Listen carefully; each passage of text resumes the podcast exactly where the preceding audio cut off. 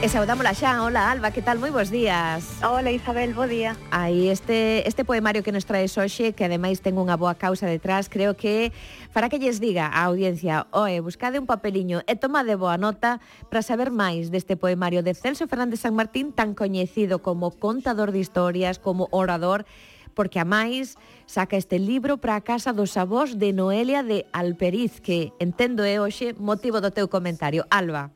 Exacto, sí, ademais é alguén que, aínda que sexa, como acabas de dicir Isabel, coñecido pola faceta de contador, realmente comezou a publicar tamén poesía nos 90 e optou máis máis dunha vez pola edición de autor, non? Cos pros e cos contras que iso implica. Eh, os pros, non? De construir artefactos moi libres, moi híbridos, non? Incluindo fotografías, debuxos e demais, e os contras de que ás veces son nos un pouquiño máis difíciles de atopar ou non chegan tan doadamente os lectores de poesía. Entón, se queres, comezamos precisamente por aí, porque é un libro para unha casa. É un libro para unha casa e daquela o que se gañe da venda destes exemplares irán destinados á rehabilitación desta casa. Sí, e desde as primeiras páxinas adentrarse no libro implica adentrarse na casa bella, nesa casa bella. Para a etnografía, por exemplo, a casa constituíu moitas veces un elemento da cultura material, un elemento cheo de significados simbólicos e capaz de darnos moitísima información sobre a redacción, sobre a división do espazo.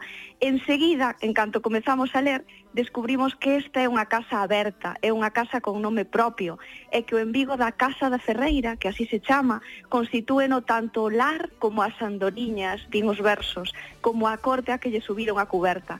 Arredor deste concepto de casa exploranse outros conceptos moi, moi relevantes, eh, por exemplo, non o, o concepto de posesión e propiedade. Dícenos que alguén habita un espazo cando fai propio, cando se proxecta nel e o posúe nese sentido. Entón, como as andoriñas, non? Que non teñen papéis, pero sí a posesión e a propiedade. Eh, este é o modo de, de habitar que se reclama neste libro especial é un libro que tamén se mide en empeños, en equilibrios. Eh, esta casa está moi definida polos ritmos, polas contiguidades e polos obxectos, eh, que como anuncian as citas brillantes que aparecen no linear, funcionan a, a modo de polos estabilizadores da vida.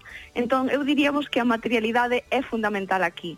Nalgún momento lemos tantas cousas, ben poucas cousas eh, calquer obxecto dos que aparecen é capaz de relatar o paso do tempo, pois comezando por unha parra que está pecha de acios con vagos opacos que en algún momento serán translúcidos ata, en fin, infinitas, infinitos obxectos, peneiras, eh, o pozo, etc que ha caído falar das casas nestes tempos nos que nos acobillamos nesa caloriña da fo do fogar onde tal vez reflexionar moito da memoria da familia, da historia da casa. Se atendemos a voz poética, a onde nos leva este poemario de Celso Fernández San Martín? Alba.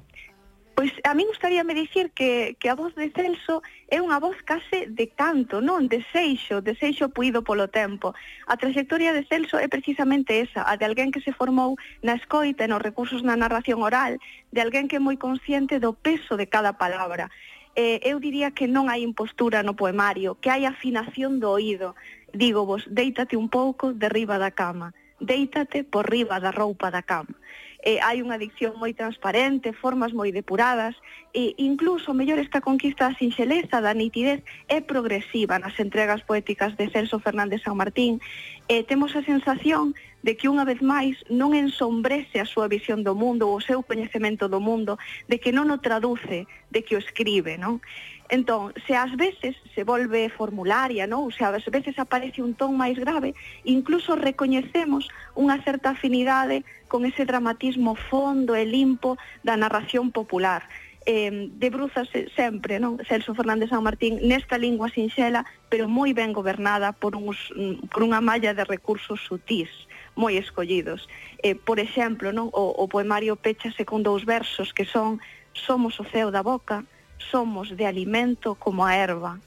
Eh, tamén é interesante, falando falando disto, Isabel, que tampouco prende na nostalgia nin na época da, me, da na épica da memoria propiamente. Eh, que eu diría que, en certo modo, aquí hai algo de viaxe introspectiva, hai un intimismo reflexivo que xa é case marca del como poeta, é unha tendura que deriva dese achegarse aos detalles, pero sobre todo, eh, sobre todo o que hai é transparencia e hai iso, afinación dun oído que sabe ben ante que se atopa e como termar das palabras. Moi caída esta recomendación desta semana Libro para a Casa dos Avós de Noelia de Alperice Unha edición limitada de 300 exemplares Poemario novo de Celso Fernández San Martín Que haberá que buscar na nosa libraría máis próxima Pois en Compostela a Couceiro ou Pedreira En la Linha Alvarellos E así máis Busquen o novo poemario de Celso Fernández San Martín Que é a recomendación desta semana de Alba Cid Moitísimas grazas, Alba A vos, escoitámonos.